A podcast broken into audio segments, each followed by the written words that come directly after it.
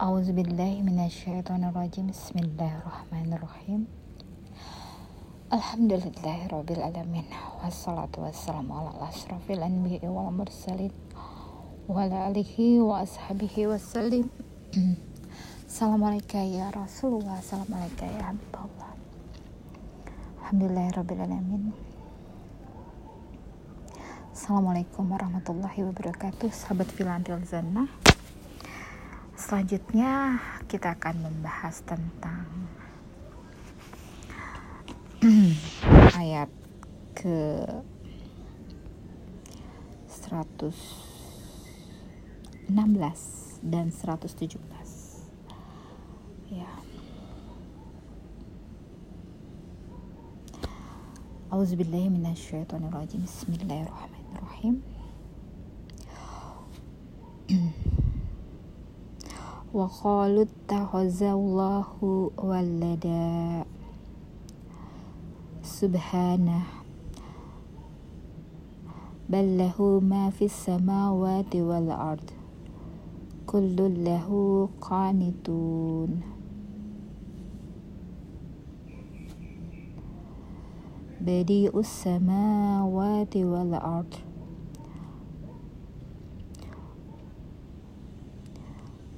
wa iza qada amaran fa inna ma yaqulu lahu kun fayakun. Sadaqallahul azim dan mereka berkata Allah mempunyai anak. Maha suci Allah bahkan miliknya lah apa yang di langit dan di bumi. Semua tunduk kepadanya. Allah pencipta langit dan bumi. Apabila dia hendak menetapkan sesuatu, dia hanya berkata kepadanya, jadilah, maka jadilah sesuatu itu. Ya, kita akan membedah ayat ini ya dengan dalil-dalil yang melandasinya. Hmm. Dan mereka berkata, Allah mempunyai anak. Maha suci Allah. Tidak ada sesuatu apa pun yang serupa dengannya. Dan dia maha mendengar lagi maha melihat. Ini terdapat pada surat Asyura ya, ayat ke-11 dan pada surat Al-Ikhlas dikatakan Kul huwallahu ahad. Katakanlah Muhammad, Dialah Allah yang Maha Esa. Allah tak beranak dan tidak pula diperanakan dan tidak ada sesuatu yang setara dengan dia.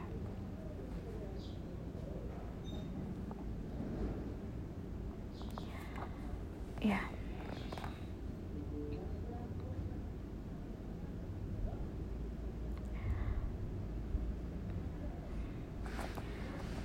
Jadi ini adalah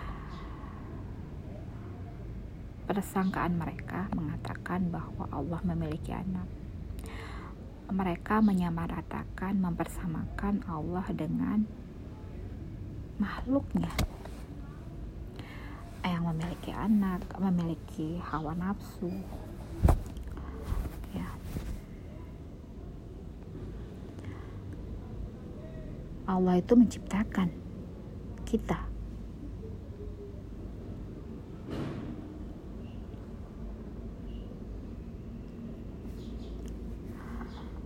Allah itu tidak bisa disamakan dengan makhluknya karena tidak ada sesuatu pun yang serupa dengannya. Makanya itu Allah tidak memberitahukan. Karena bila Allah beritahukan, maka kita akan memakai imajinasi kita untuk mendeskripsikan atau membuat tampilan Allah sesuai dengan deskripsi kita. Untuk itu tidak diperbolehkan ya. Mendeskripsikan Allah dengan bentuk dengan menyamakan dengan sesuatu. Allah dikenal dengan namanya.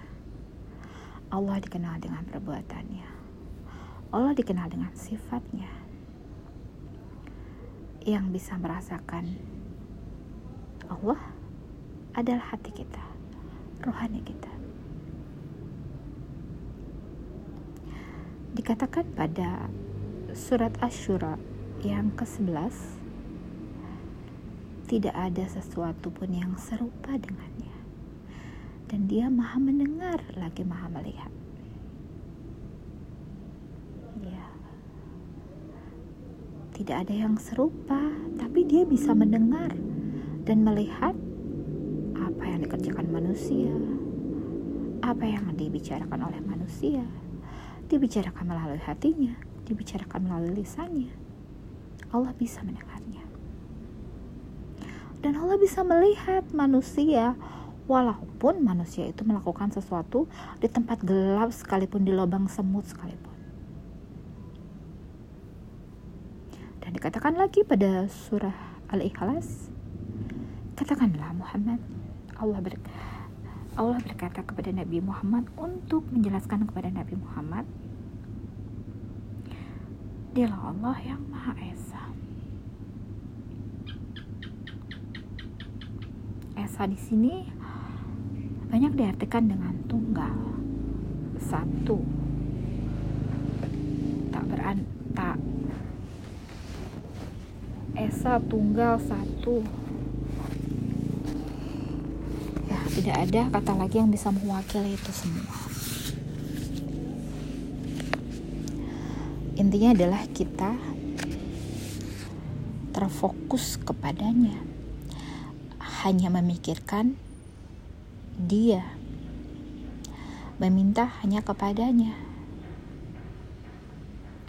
dan melakukan segala sesuatu untuknya dia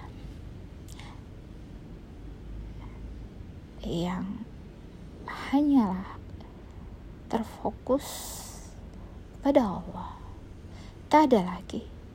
Semuanya Allah.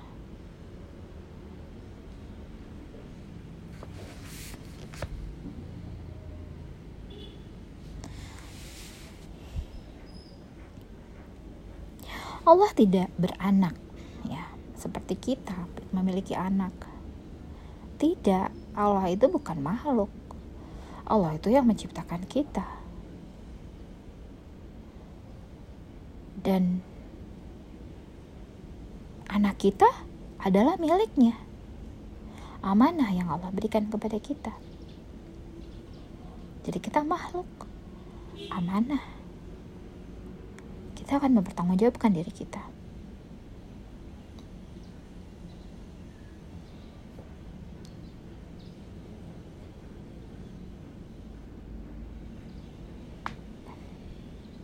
Dan tidak ada sesuatu pun yang setara dengan dia.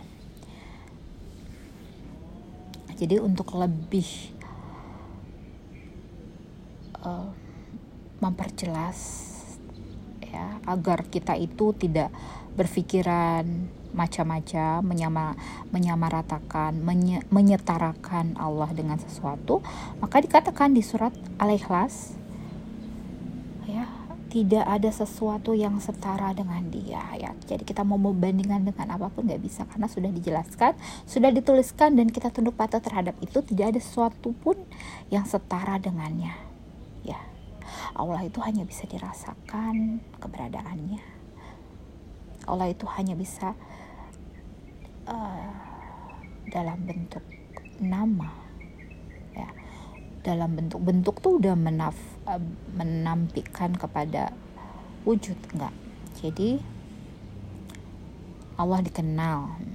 Tidak ada kata bentuk ya. Allah dikenal dengan nama.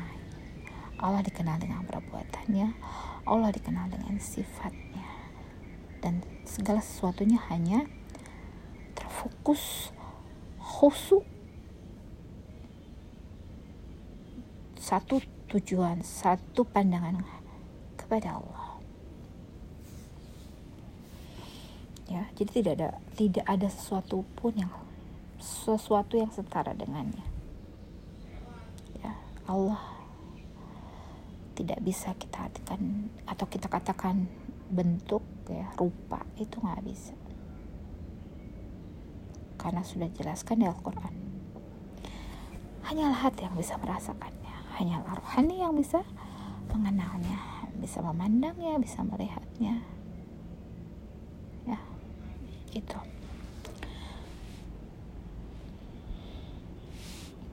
Kemudian di surah Fusilat ayat yang ke-11 dikatakan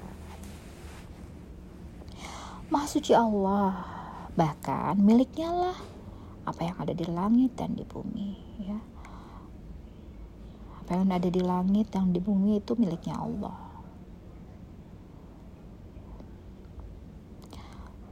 semua tunduk kepadanya Allah pencipta langit dan bumi milik menciptakan ya, dan kesemuanya tunduk.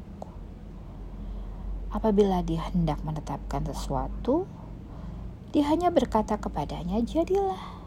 Ya. Allah ingin menciptakan manusia. Ya. Allah Allah tinggal berkata, "Jadilah." Maka jadilah manusia dari tanah dari unsur uh, api, air, angin atau udara, dan cahaya.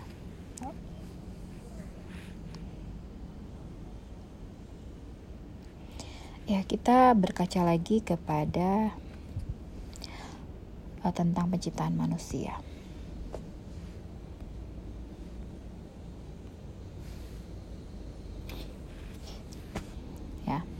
Jadi Allah hanya tinggal berkata kepada tanah, jadilah. Ya. Jadi proses panjang dari penciptaan manusia ini yang diambil dari tanah-tanah yang diberkahi. Allah alam insya Allah.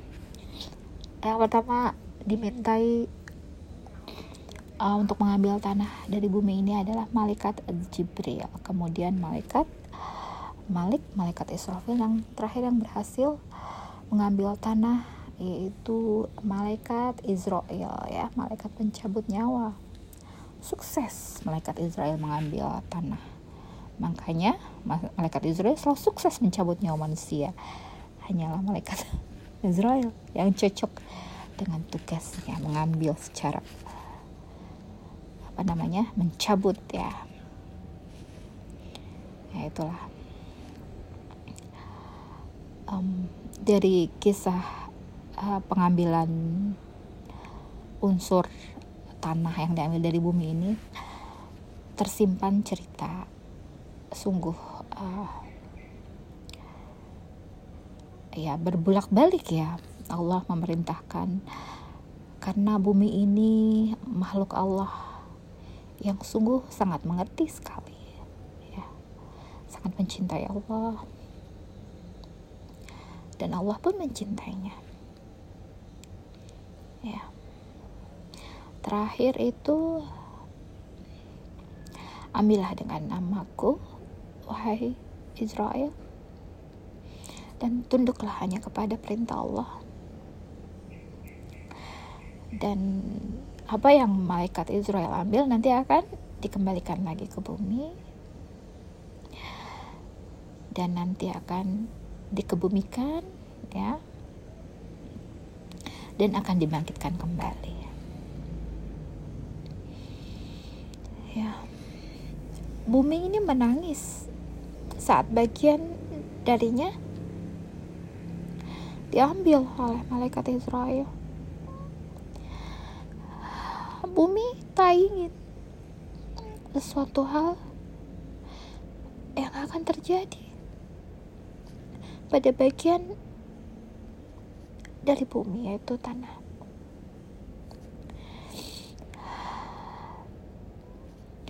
Manusia ini terdiri dari makhluk-makhluk lainnya. Makanya itu kita diamanahi untuk menjaga apa yang ada di tubuh ini untuk dipertanggungjawabkan nanti untuk mengembalikan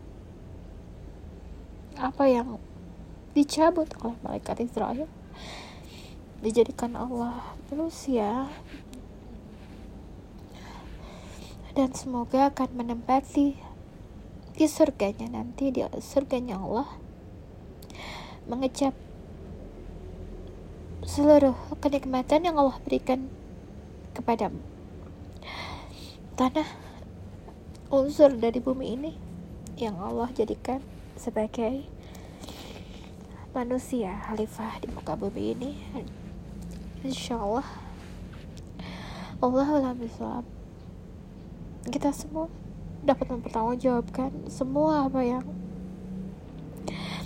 Allah amanahkan kepada kita untuk kita bawa ke tempat yang paling indah, paling nikmat, yang tak ada habisnya kenikmatannya, yaitu di surganya Allah.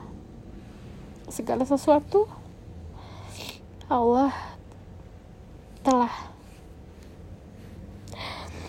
mengetahui segala sesuatunya sampai sedetail-detailnya kita makhluk yang bertugas untuk menjalani mengerti tunduk patuh sami'na wa atas segala apa yang Allah kehendaki kepada kita. Ya semoga Allah mengampuni kita menyelamatkan kita meridhoi kita dan menempatkan kita di tempat yang paling mulia di sisinya. Amin ya robbal alamin.